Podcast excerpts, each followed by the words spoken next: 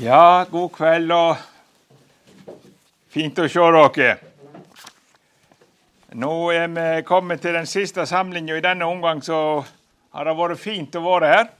Fint å møte dere, og fint få, at vi har fått vært samla om noe så sentralt Så Jesus som vår ypperste prest. Nå har vi vært disse dagene i Det gamle testamentet mye. Og så lovde jeg at jeg skulle se på det i hva det betydde at Jesus er vår ypperste prest. I, både på Golgata og i himmelen. Eh, og da er det jo gjerne sånn at vi må gå til Hebreabrevet. Det er et forunderlig brev. Så vi skal prøve å være der, og jeg vet ikke Jeg er ikke sånn så, så veldig ofte taler tematisk. Jeg taler vanligvis tekst. Eh, så det kan bli litt springende, kanskje. Det vet jeg ikke. Men Gud gir at han tar seg av det, så det blir mat for sjela og til hjelp. Vi må be. Kjære Herre og Frelser, vi takker deg for du tok på deg å være vår øverste prest. Du ville ta deg av oppgjøret for oss. Du ville ta deg av vår sak. Du ville bli vår bror og ta på deg å løse oss. Nå ber vi deg, kjære Herre, at vi må få ei stund for dine føtter. Du har jo sjøl sagt du er midt iblant oss når vi samles i ditt navn. Hellig Ånd, o himmelue, Kom og tenn mitt hjerte an, så jeg Jesus klart kan skue som min Gud og frelsermann. Amen.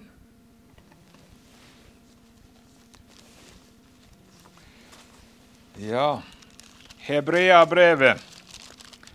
Jeg må si litt om Det har blitt mer og mer talende for meg etter jeg har arbeidet med Hebreabrevet. Litt av den nød og den bakgrunnen som det er skrevet inn i. Det er skrevet, så langt vi forstår, til troende jødekristne. Jøder som var kommet til tro på Jesus som Messias. Og i begynnelsen hadde de vært ivrige troende. De hadde eh, utstått mye prøvelser, de hadde fått det vanskelig pga. sin tro. Det står at de opplevde at eiendommene ble rana fra dem og de var stilt nærmest fram som et skuespill for folk. Så det var prøvelser på mange måter for den, de få kristne. Og da hadde de tålt, ikke bare tålt, står det, men det står de bar det med glede. Så det syns jeg var ikke så lite. Vi har ikke så lett for å eh, bære med glede hvis noen rører med det som er vårt. Men her tok de ifra de både ett og hit. og plagde de og forfølgde de kanskje. og Det var noen som hadde vært i fengsel, står det, fordi de trodde. De bar det med glede. Men så har tida gått, og nå ser det litt annerledes ut. Menigheten bærer tydelig dårlige tegn. De holder på å miste sin kristne frimodighet. Og vi forstår av sammenhengen at motløsheten ligger mye på lur. Eh, så eh, de var begynt å bli motløse. Flere stykker begynte å synes det var lite det de hadde som kristne. Det sto for de så ganske fattig slikt hele kristenlivet. Og flere var begynt å lengte tilbake til den jødiske synagogen. Og du så andre trekk. Når de samles om Guds ord, så var det mange som ikke møtte. Det var ikke den iveren lenger. I begynnelsen som kristne så hadde de ivra på å komme inn i Guds ord. Men nå var de blitt sløve til å høre. Så apostelen sier rett og slett, når han skal legge ut dette sentrale emnet, og det var om dette emnet som vi har, Jesus og vår ypperste prest, så var det vanskelig for de var blitt sløve til å høre. Så kristenlivet bærer avgjort farlige tegn. i flere i menigheten. Og motløsheten ligger på lur hos ganske mange av dem. Det er helt tydelig. Og så kommer hebreabrevet for å hjelpe dem til rettes igjen. Og det som da er tydelig, er at de holder på å miste synet på hva de har i Jesus. Og kommer Jesus vekk for øynene, og kommer det vi har i Han bort, så blir nok kristenlivet ganske annerledes, ja. Det står en plass i Skriften at det gleda i Gud eller i Herren er deres styrke.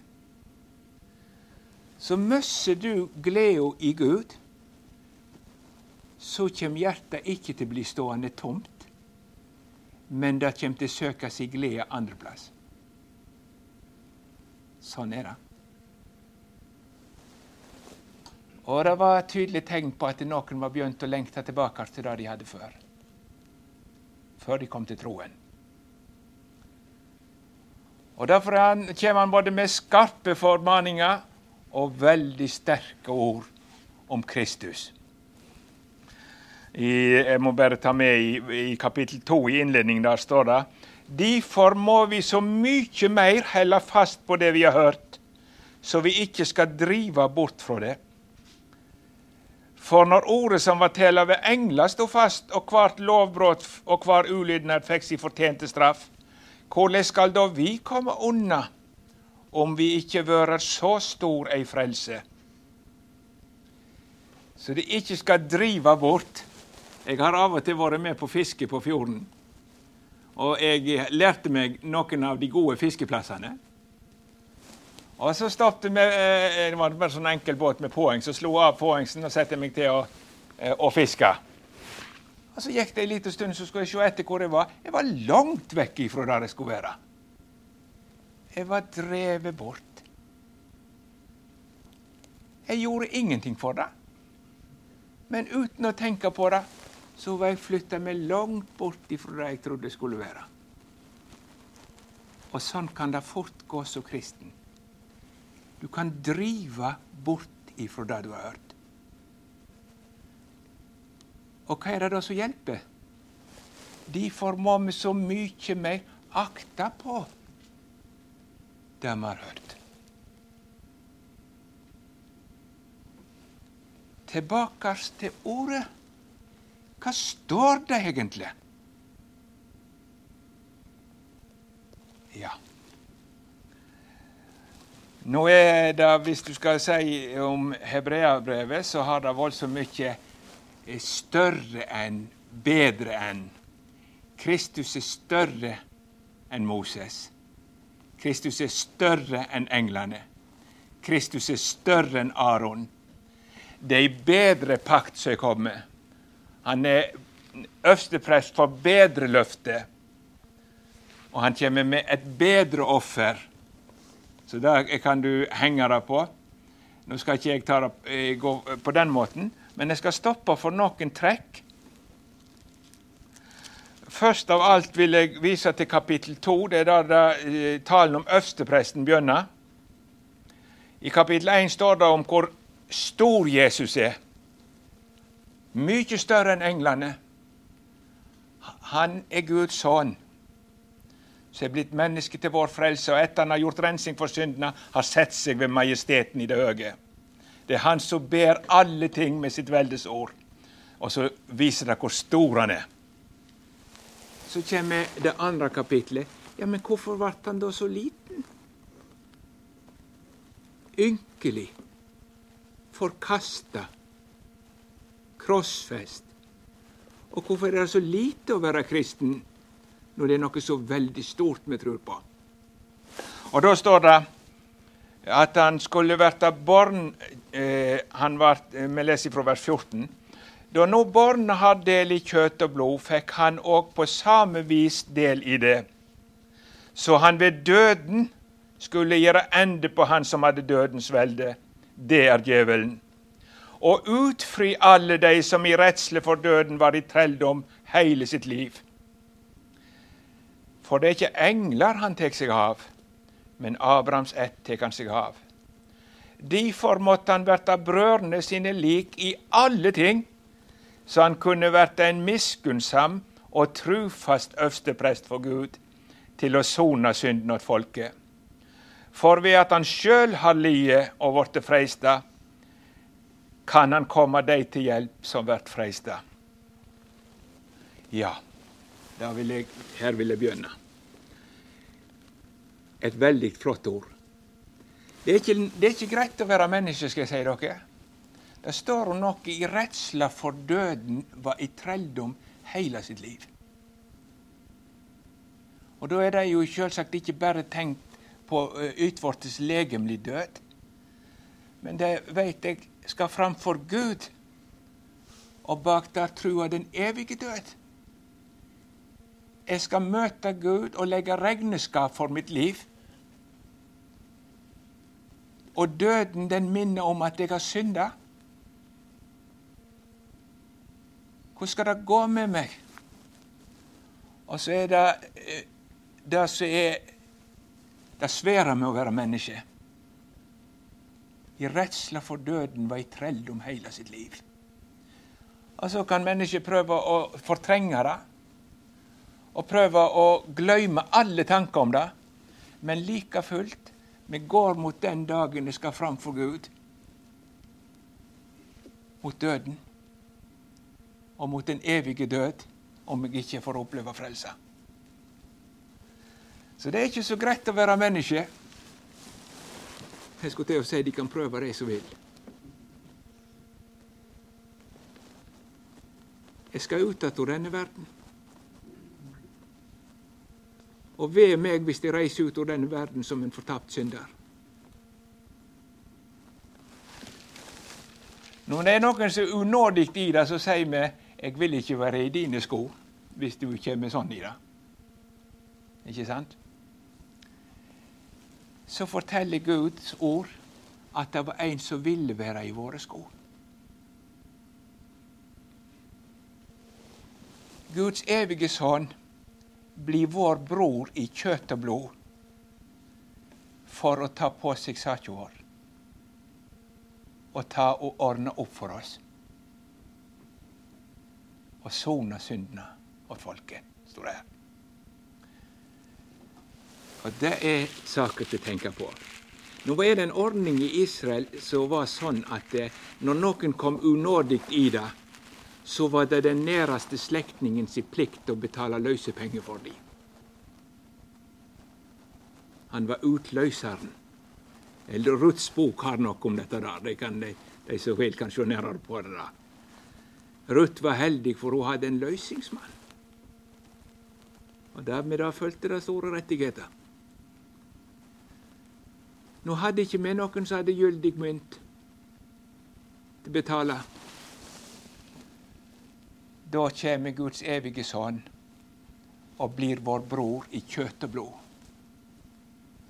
Som en storebror vil han ta på seg og løse oss ut ifra vår nød. Og innfri alle krav og være vår løsningsmann. Og det, det som ligger i at han vil være øversteprest, er at han vil ta på seg saka. Du som sitter og tenker på hvor det skal gå med deg i evigheten. Har du hørt det? At Jesus ville ta plassen din? Jeg skal ta oppgjøret for deg. Jeg skal ta på meg å gå og møte Gud. Så du skal være trygg i evighet. Ja, det er store ting. Utfri alle de som i redsel for døden var i trelldom hele sitt liv. Og Derfor måtte han verta brødrene sine like i alle ting, så han kunne være en miskunnsam i miskunn, miskunnsam det er et veldig godt uttrykk når du begynner å grunne på det. For i dag ligger det at din nød går, går han til hjertet som om det var hans nød. Han tek ynkast over den elendige, sånn at det ligger han på hjertet, det som da plager, eh, plager deg. Og på en sånn måte at det er ikke nok å si 'Å, jeg forstår at du har det vanskelig'. Men så tvinger han til å gripe inn i din nød. Den medfølelsen han har i sitt hjerte, den tar saken på seg. Så han må gripe inn og fri deg ut. Og nå vil han bli en sånn miskunnsam ypperste prest. Sånn som så kunne ynkes over deg og gå inn i din sak og ta på seg å opp for deg og fri deg ut av nøden. Og en trufast står det her. En som du kunne stole på at når han har tatt saken, så står han ved det. Han svikter ikke. Og det er godt å tenke på. Når Jesus påtok seg å ordne opp for oss, så står han ved det. Du kan forlate deg på han. Det holder. Han er trufast. Det ordet trufast, eller trofast, er det vel på. Det betyr altså at det, det er fast å tro på det. Du kan legge deg med hele din tyngde på det, for dette er fast. Og derfor får den som tror på det, oppleve at det holder. Så han ble vår bror i kjøtt og blod. Han, han blir den siste Adam. Den som tar på seg oppgjøret for hele slekta. Og han blir den andre Adam, den som begynner noe helt nytt. Begge deler står i Skriften. Ja. Så det er det første. Og da står det videre De forheilige brødre som, som, har fått del i et himmelsk kall, se på Jesus, den apostelen og øverstepresten som vi kjennes ved. I kapittel 3. Og så legges det vekt på at han var tru. Og Moses står det at han var tru i hele Guds hus som tjener. Men Jesus er større enn Moses. Han er tru i hele Guds hus som sønn. Han som eier huset. Ja vel. Jeg hadde jo dette hjertegreiene i, i, Ja, det var i 17, da. Jeg har vært her ett møte i 18. Eh, så, og så var jeg her i 15, tror jeg jeg fant ut, og hadde bibelhegg. Så jeg har fått være her før. Men jeg hadde hjerte, eh, jeg fikk sånn sterk angina jeg måtte innlegges. Det var vel ørlite borti et infarkt òg. Og de fant ut at dette her ikke blokka ut, det var jo helt tett, og, og ena var halvtett. Hovedinnfartsårene. Så da gikk det dårlig med eh, Bare jeg så en motbanke, så begynte hjertet å oppføre seg dårlig. Eh, så det var ikke godt. Og så skulle de eh, Først var snakk om å blokke ut, men det gikk ikke. Jeg skal ikke heller noe helseforedrag for dere. Men de måtte eh, operere. Han var snedden, han, han legen som skulle komme og fortelle meg hva de skulle gjøre. Jo da, han skulle saga opp og ja, Men han fortalte det på en sånn snedden måte, jeg har ikke glemt det. For eh, han hørte Er du fra Sogn? Ja, det er, jeg har gårder inne. Og, og så av en eller annen grunn så kom vi til å snakke om, om hjortejakt. Og da sa han ja, men da har du gjort sånt mange ganger, så jeg skal gjøre sånn. ja da. så det var nå lite grann kraftig kost, da. Ja ja, men det var ikke dette jeg skulle fram til. Men, men du veit, hjertet Koble ut hjertet, koble ut lungene. Maskinene skulle ta seg av det, og så skulle de drive inn i det. Det er helt ufattelig. Jeg måtte spørre det etterpå. Men det syr fast de årene til hjertet. Er det hardangersaum, eller hva er det de bruker? Men du blir ikke så stor som menneske når du vet at det, du er ganske nær grensa. Jeg prøvde jo å trøste. Det går alltid bra, sier de. Nesten alltid. Ja, så det er like godt å ha gjort opp boet. Ikke sant? Så da tenkte jeg på den herligste navn som er uttalt på jord. Kjenner du den sangen? Ja, Den er gripende, for den er skrevet med et dødsleie. Faren sitter med dødsleiet til sitt sønn. Og så eh, er han veldig urolig. Og Han prøvde å trøste han på forskjellige måter. Det eneste som forslo, det var at han snakket om Jesus. Det forslo. Og da skriver faren ned den, den, dikter denne sangen. Herligste navn som er uttalt på jord. Jesus, Jesus. I det er frelse for hver den som tror. Jesus, Jesus. Det har meg styrket i prøvelsens dal. Det har meg gledet i festmykket sal. Det er inni døden min trøst være skal. Jesus, Jesus. Og så er det det andre verset, og det var det som var liksom så passelig til meg. Når jeg har trettlagt mitt hode til ro Nå kommer de med Skal narkosen komme snart? He? Ja, da kan du bare ligge. Når jeg har trettlagt mitt hode til ro, Jesus, Jesus. Vi er alene i stillhet, vi to. Jesus, Jesus. Da blir det smått, det som før syntes stort. Da blir det lite, alt det jeg har gjort. Da uten deg vil jeg komme til kort. Jesus, Jesus. Akkurat sånn er det. Men da eh, var det noen ord som trøster meg. Jeg skal ikke komme til alle. Men det er så godt å ha noe fast, altså. Og da var det da I kapittel fire så står det noe fint om øverstepresten. For vi har ikke, står det i vers 15, vi har ikke en øversteprest som ikke kan ha medynk med oss i vår veikskap, men en som er prøvd i alt på samme måten som vi, men uten synd. La oss derfor med frimot gå fram for nådens trone, eller la oss derfor gå fram for nådens trone med frimot, så vi kan få miskunn og finne nåde til hjelp i rette tid. Ja, hva som gjorde meg så godt? Der står at vi har ikke en øversteprest som ikke kan ha medynk. Ja, kunne Jesus bry seg om lille meg? Så kjente jeg meg ganske svak og hjelpeløs. Øverstepresten vår er ikke en sånn som ikke kan ha medynk. Da lå mi sak han tungt på hjertet. Han ynkes. Han brydde seg. Og så sier han, du skal få komme framfor nådens trone. Nådens trone det er den plassen de må gå som ikke kan betale for seg. Det fins nok andre troner der de kan komme med verdighet og sånn. Men nådens trone, da kan de som komme som å komme tomhendte. Ingenting å påberope seg til fordel. De får komme likevel. For han som sitter der, er Jesus, en medyngsfull øversteprest. Og han er Det eh, kunne nok sagt mer om, men han er prøvd i alt uten synd. Det betyr for det første at han forstår oss.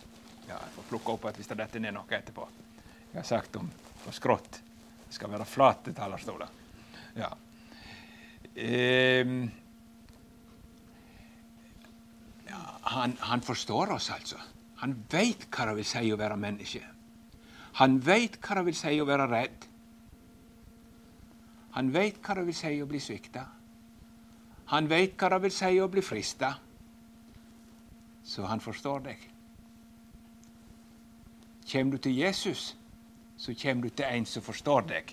Så det er i seg sjøl en stor ting, men det er jo mye mer enn det i at han er prøvd i alt uten synd. For at han øverste betyr jo ikke bare at han legger seg som står og heier på meg og sier 'jeg forstår deg', og, og 'du skal nå klare å komme gjennom det'. Bare uh, vær frimodig. for det, ja.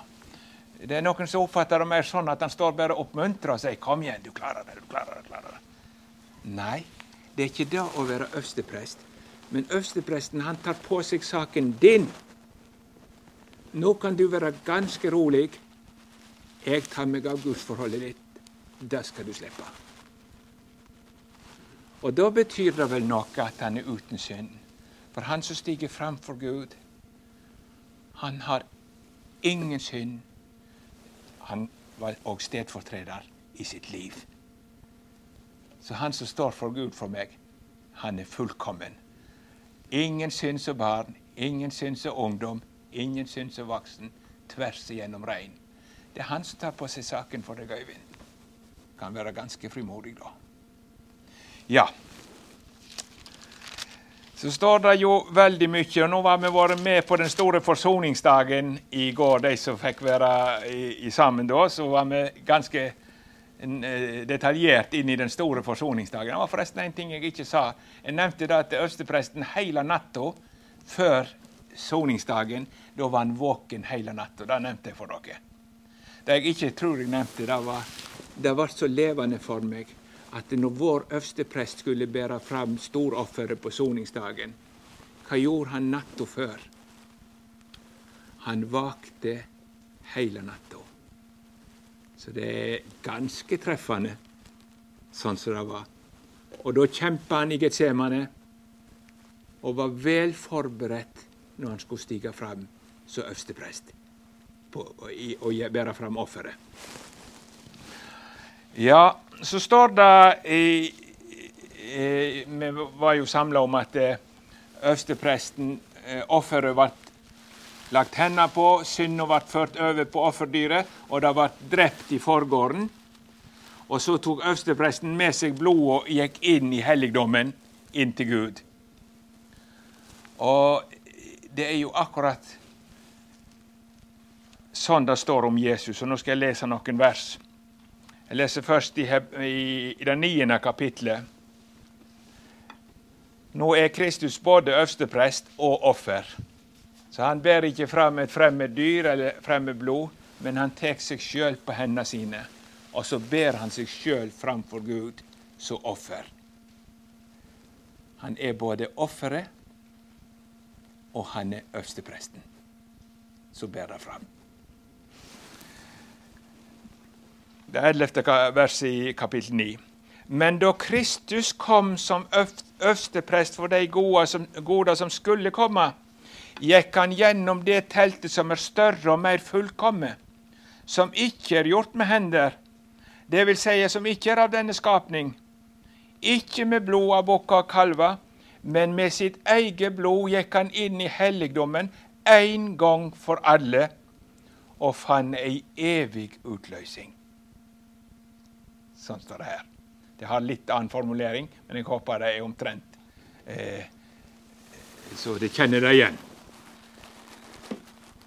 Øverstepresten på jorda han gikk inn i en jordisk helligdom som bare var et bilde av den virkeligheten. Men ikke selve virkeligheten. Han hadde sett et bilde på fjellet. Så tabernaklet er avbildning av de himmelske og virkelige ting, sånn saken virkelig står for Gud. Det er reelle forhold, altså. Det er ikke bare en et avbildning, men det er selve Det står jo loven var gitt ved Moses. Nåden og sannheten kom ved Jesus Kristus. Så han tok bort det første forbildet, og så innfører han oppfyllelsen. Ja. Så han går ikke inn i et jordisk helligdom, men det er innenfor Guds ansikt han går med sitt blod. Det skal vi tenke på på mange måter. Så Øverstepresten gikk inn og hadde det på nådestolen, så det skulle dekke lovens krav.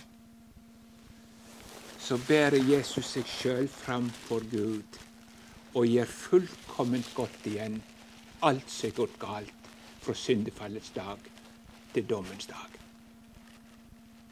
Han fant ei evig utløsning, frikjøping ifra synda og nøden. Han fant syndas forlatelse for alle synder. Én gang for alle. Han bærer det fram for Gud, så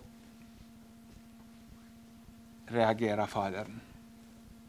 Og da vet vi, eh, I dette ligger jo at Jesus måtte ta følgen av våre synd. Så han måtte møte Guds vrede, forsmake alt sammen og skrike gudsforlatelsens natt på Golgata de tre mørke timene. Det er jo hyggelig å tenke på at da får Jesus oppleve fortapelsens gru. Selv den evig gode Fader ham i kvalene forlater, hører taus hans angestkrig. Da er Jesus under vreden om om bøter. Men i dag han går inn i døden, så skjer det noe. Husker det? Ja, da skjedde store ting. Berg og brast. Og jeg hører veldig mye på Matteuspasjonen og Johannespasjonen. Og der har han virkelig fått revna forheng, altså. Og når, når, det skjer, så hører du formelig der rusja ned, og det delte seg. Og Jeg husker en, en hjemme, han spora oss alltid når vi var små. Eh, når nå forhenget rivner, rivner det oppifra eller nedifra? Jo da, da hadde vi sett det sto oppifra ned. Og i dag kommer oppfyllelsen, for de husker jo det forhenget som minner om det farlige å gå inn til Gud. Det vil koste deg livet hvis du prøver å gå inn. Øverstepresten kunne gå inn med blod en gang i året, men så ble forhenget stengt igjen. For det er jo noe som skiller mellom menneskene og Gud. Men i Jesu dødsøyeblikk så river Gud i himmelen forhenget i to og viser nå er det åpen vei her gjennom Jesus. Og Da må vi ha med det som står i, i Han konkluderer i, Når han har lagt ut alt om øverstepresten, så kommer konklusjonen, så å si, i, i vers 19 i kapittel 10. Ja, jeg har nesten lyst til å ta med vers 14 òg. Jeg, jeg må nevne det, jeg kan mest ikke gå forbi det. Men jeg, jeg, kan ikke si så mye om det. Det er et av de sterkeste ord om rettferdiggjørelsen som vi har i vår bibel. Det er vers 14 i Hebrearbrevet 10. For med ett offer har han for alltid gjort de fullkomne som blir helga. Men så står det i vers 19.: Brød, i Jesu blod har vi altså frimot til å gå inn i helligdommen til den har han vigsla oss en ny og levende veg for oss gjennom forhenget. Det er hans kjøtt.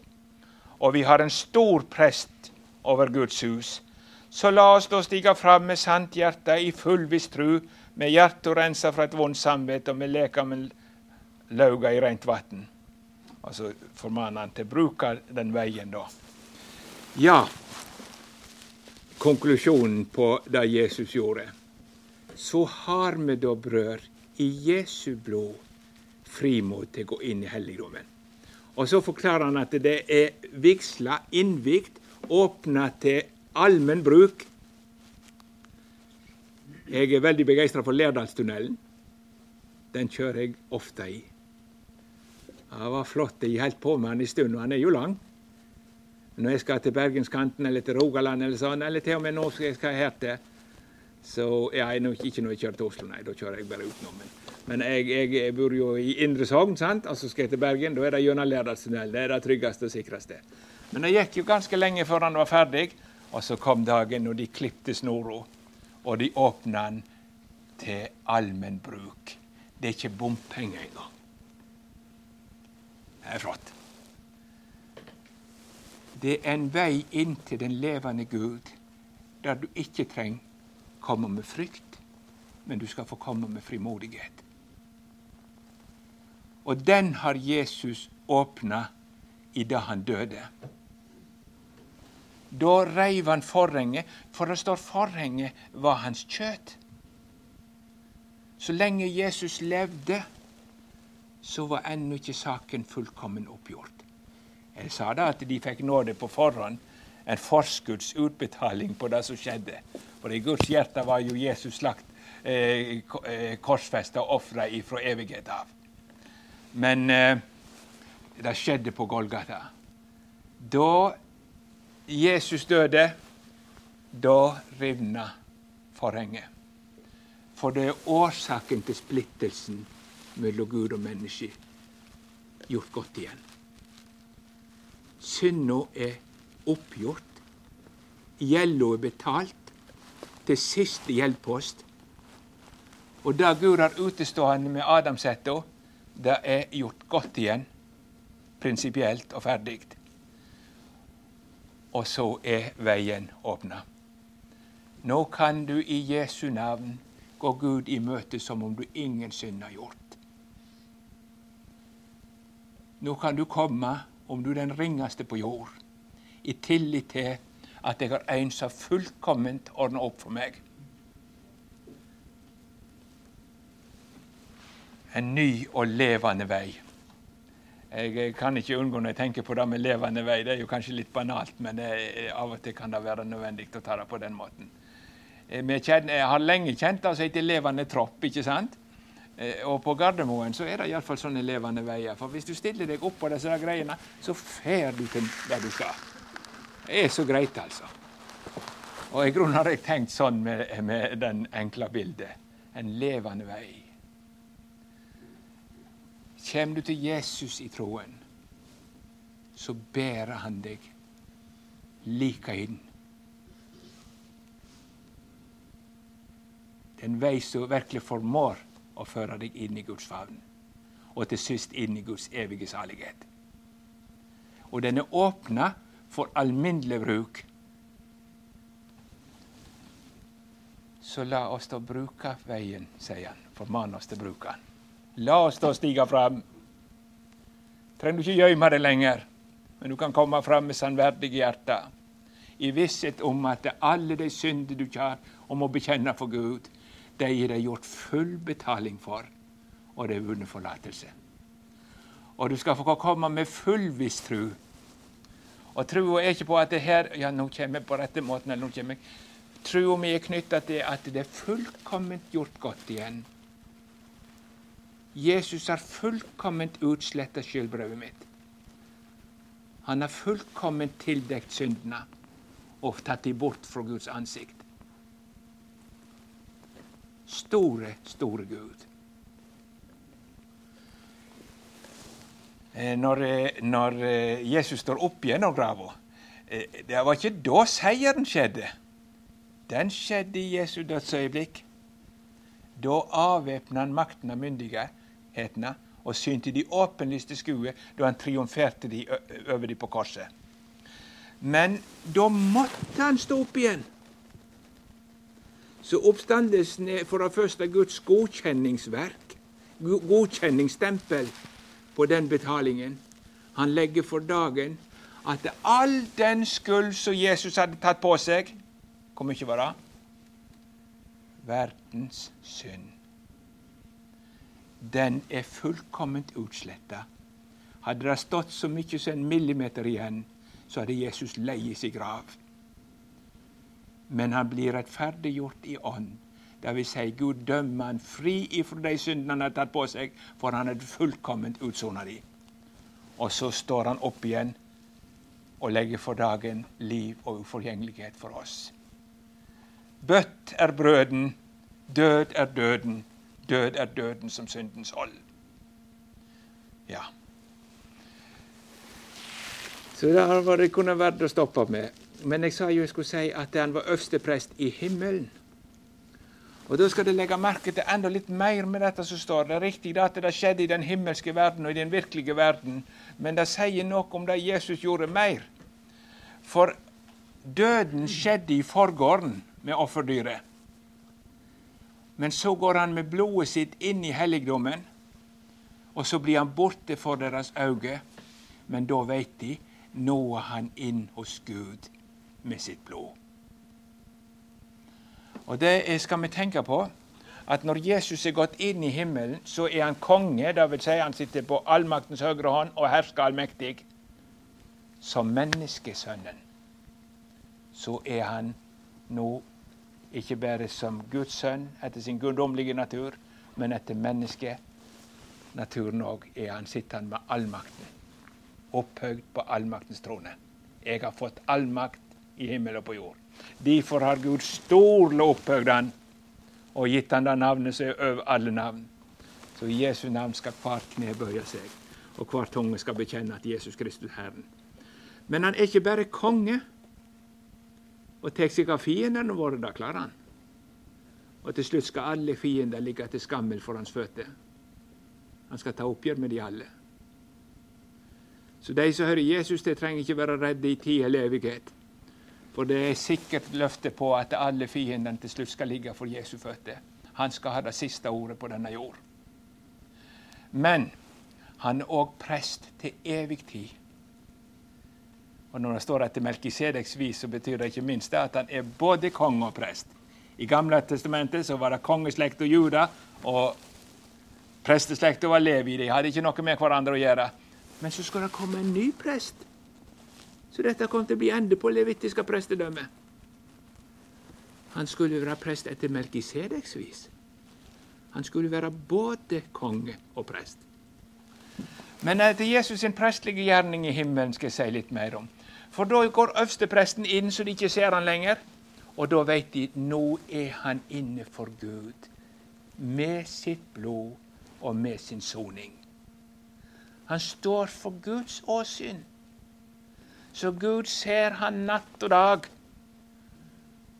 Og der står han som vår øversteprest. Et av de ordene som jeg syns er så kjære for meg, det er det 24. verset i det 9. kapittelet når det gjelder den saken. For Kristus gikk ikke inn i en helligdom som var gjort med hender og bare et bilde av den sanne, men han gikk inn i sjølve himmelen, der han nå åpenbærer seg for Guds åsyn for vår skyld. Jeg husker Hans Erik Nissen talte over den, dette ordet. Det var han glad i òg. Så jeg har mye til felles med Nissen sånn sett. Jeg er glad i de samme ordene som han. Ja, nå har han fått faren. Ja, det er så godt. Og så understreker han nå, nå, nå, nå. Når du våkner om morgenen, så tenker du 'hvordan er det med meg i dag'? Kunne du ikke tenke litt på hva Jesus gjorde når du våkna? Nå står Jesus for Guds åsyn og representerer meg. Og tar seg av mitt forhold til Gud. Så gudsforholdet mitt i de beste hender. Han står der natt og dag og gjør soningen gjeldende for hans åsyn. Åpenbare hemmeligheten med Golgata for Guds øyne. Så Gud ser deg forsont og rein. Så så lenge du holder deg i Kristi rettferdighet. Og Derfor står det i 1. Johannes 2,1 og 2. Mine barn, dette skriver jeg til deg så de ikke skal synde. Og om noen synder, da har vi en talsmann hos Faderen talsmann. Det kunne vært oversett med forsvarsadvokat. Skjønner om jeg syns det er litt for svakt. Men det leder iallfall tanken i rett retning. Når, du synder, da kommer samvittigheten og slår deg. Og det virker forstyrrende inni på kristenlivet når du ser hvordan du er. Det gjør det. Men ikke i en sånn åndelig sardinboks der det ikke virker inn på oss på noen måte. Jo, det forstyrrer synden. Men da skal jeg huske i syndeøyeblikket, da har jeg forsvarsadvokaten i himmelen. Så stiger fram for Gud med så mektig et forsvar for sine troende.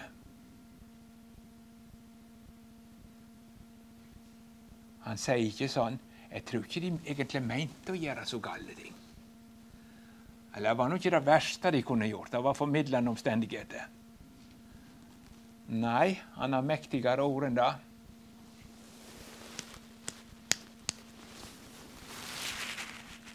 Det er ordna. Det er gjort opp.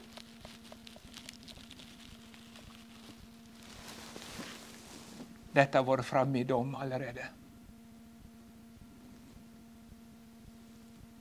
Han tok min plass den gang dødsdommen falt.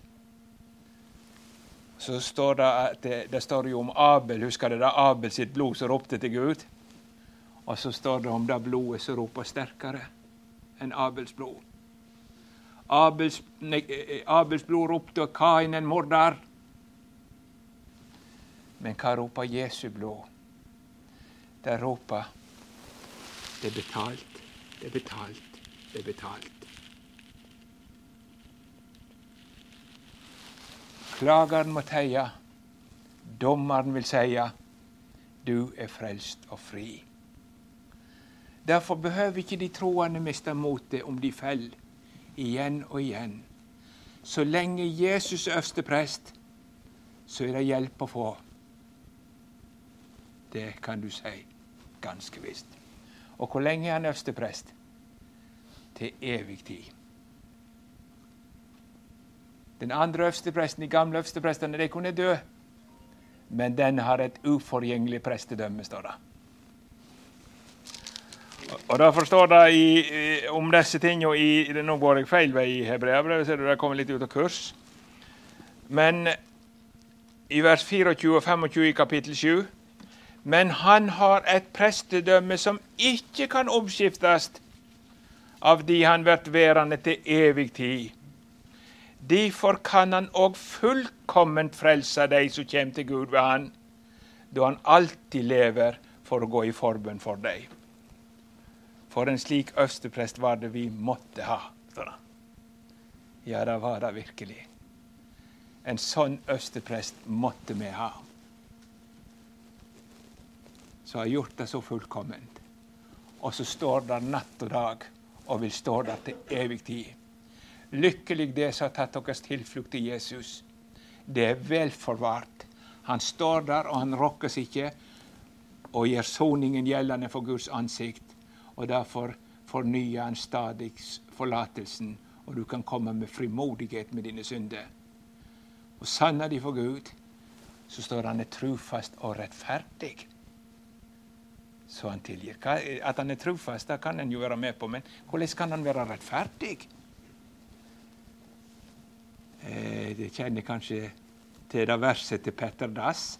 Han skrev jo eh, katekisme på rim. Det er vel verdt å lese mye til det. Han, han var en kraftig, god kar. De en gang avhandlede sager, man atter for dommen ei drager. Ei heller i Skriften befales at gjelden skal to gang betales. Ja. Så er det det som Jesus holder på med. Det er oppgjort. Det er sona. Det har vært oppe i dom har fått sin fulle straff. Her er ingenting mer å dømme. Må dine synder være deg forlatt. I Jesu navn og lov.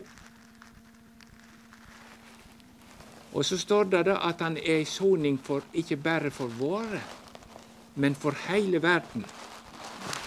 Det betyr ikke at hver enkelt eier syndenes forlatelse, men det ligger at syndenes forlatelse er ferdig for dem hos Jesus. Og det skal rekkes de ved ordet, sånn at de kan få lov å ta imot gaven. Det er til deg. Det er til alle. Blir de borte fra Jesus, så må de møte Gud uten Jesus. Og det blir svære saker. Så jeg hører Sigvart Engeseth er jo en av de som har skrevet veldig gode rosenianske sanger i Norge. Og han har, skrevet en, en veldig sang som heter 'Han tok på seg alt, og hele vår skyld ble til fulle. Men så kommer han. Og vite du skal, om du vender deg bort, for deg er det gjort.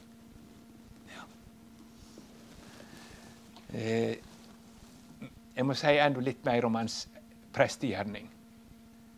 Ja, jeg, jeg, kan bare legge til det at eh, selv om du tror mye eller lite eller ingenting, så er det gjort for deg. Det er til deg, alt sammen. Og du skal få lov å ta imot det. Om du vil høre det. Om du ikke har tatt imot det. Det er til deg. Øverstepresten skulle ikke bare gjøre soning og skaffe de synsforlatelse, men han skulle be for dem. Og Inger hadde noen gode vers. Hun snakket om Den hellige ånd som ba for oss, og Guds sønn som ba for oss. Det står hvem, hvem er den som fordømmer? Kristus er den som er dødt. Ja, hvem er den som fordømmer? For spør jeg, Har de greie på det? Det er bare én som kan fordømme, og det er Kristus. Men vil han gjøre det for sine troende? De så kommer det så sterke grunner. Nei, hvordan kunne han vilje det? For han er den som er død for dem.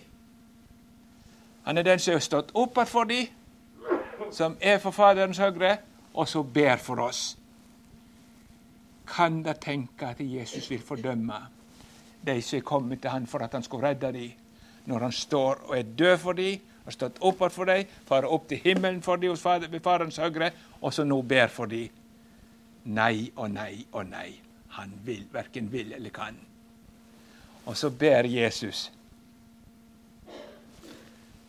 Ja, hva ber han om? De trodde det skulle være Jesu ypperste prestlige bønn noen jeg skulle ha om, og det hadde jo vært en god tekst, altså.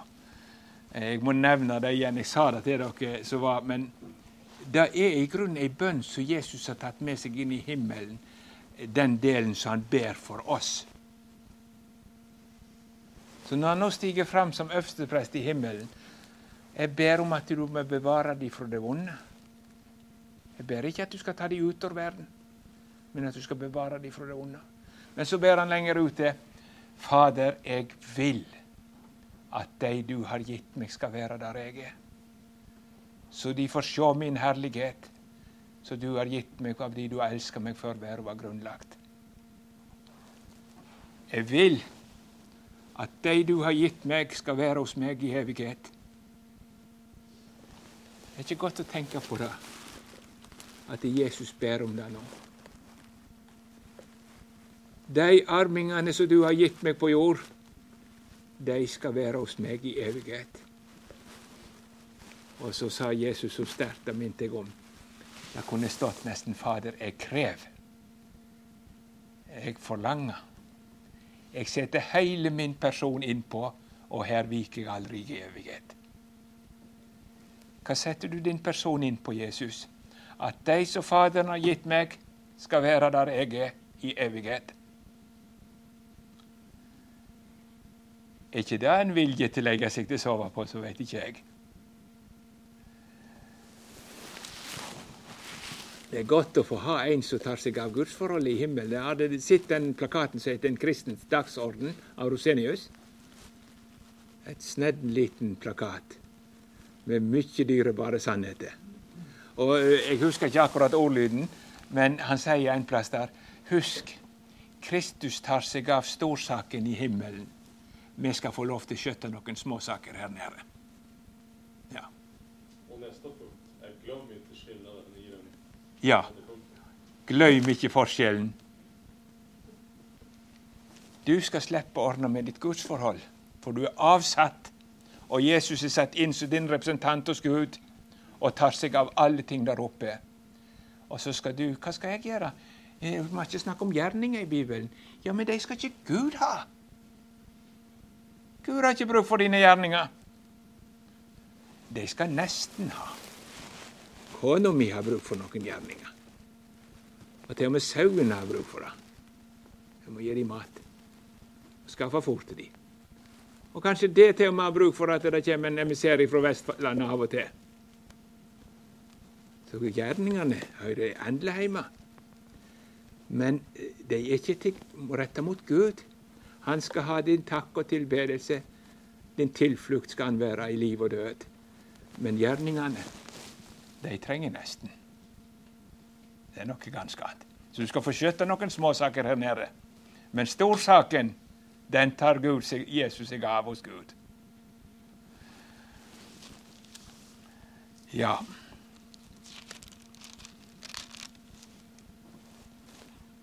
Så var det enda en ting øverstepresten gjorde i helligdommen, som jeg bare skal nevne. Og det var at han formidla Guds velsignelse til folket. Og det gjør Jesus òg i himmelen. Husker dere hva som sto når Jesus ble løfta opp til himmelen i Lukas 24? Det må dere legge nøye merke til. Mens han velsigna de, ble han borte fra deres øyne. i sky tok han bort fra deres øyne. Han slutta ikke med det, altså. Han har ikke slutta ennå. Mens hans naglemerkte henne er uttrakt over sine troende små i denne verden. Og han velsigner de, formidler Guds velsignelse til de. Og han sender Den hellige ånd til å være i deres hjerte og leder dem i all sannhet. Så det er godt å tenke på. Så når vi Jeg pleier en stund å si at det er forskjell på å lyse velsignelsen og be om velsignelsen. Nå hører om Fredrik Ening, han som er teolog. Eh, når du ber om velsignelsen, da stiller menigheten seg, og han som gjør det Nå kan vi ta opp et ark òg. Stiller seg i lag og ber Gud, nå må du velsigne oss. Men når en forkynner stiger fram med Guds ord, så er han sendebud i Kristi sted. Så da er det i virkeligheten Jesus som velsigner. Så han lyser velsignelsen på vegne av Jesus som forkynner.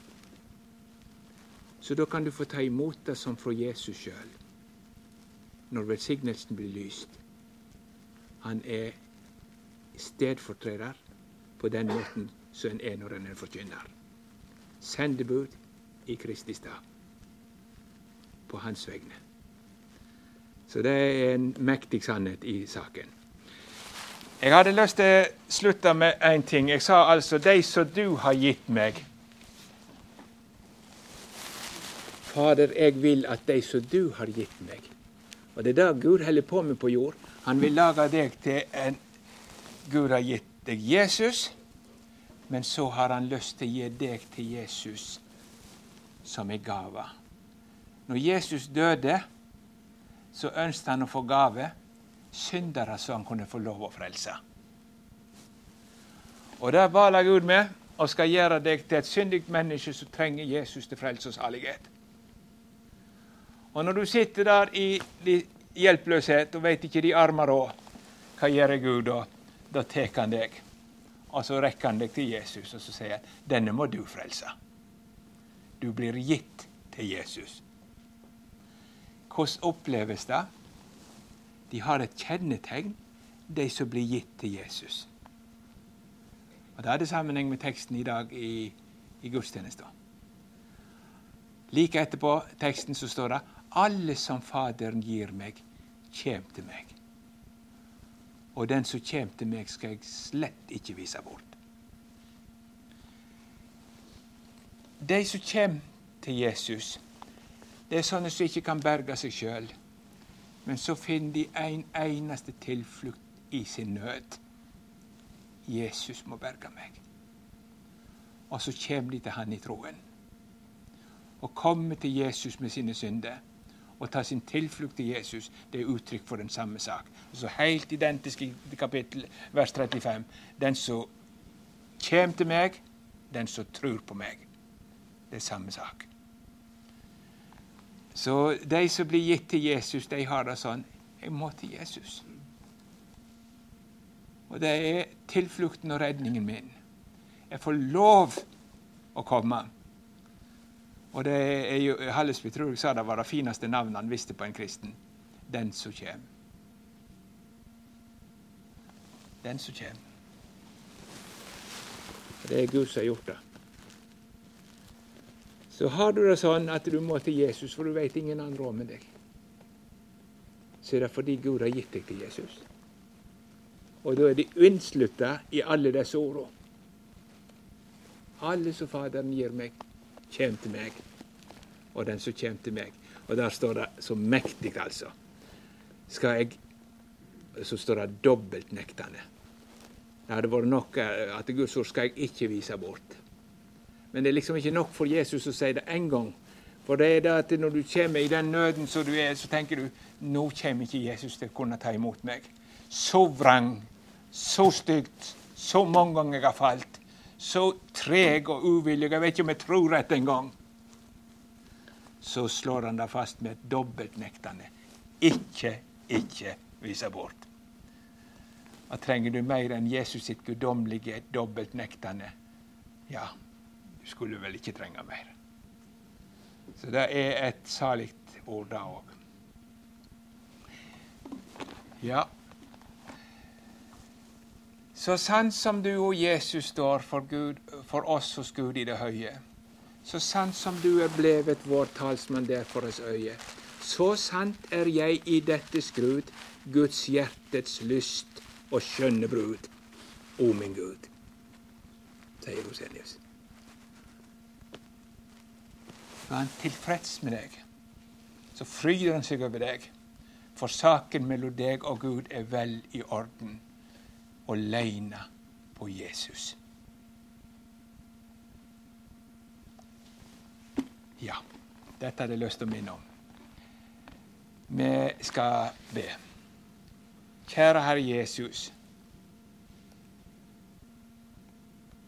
Takk for du ville. Takk for du ville. Gå i min stad og gjøre godt igjen alt for oss alle. Og takk for du står for Gud natt og dag som min forsvarer. Det er så godt å høre om deg, Jesus. Og det er så godt å få se deg igjen og leve på det, og den tiden kommer, salig dø på det, at det saken er din. Og så kan vi hvile. Nå kan gi hvile fullkommen glad. Veien er banet inn i Guds dag. Prisa ditt hellige navn. Amen.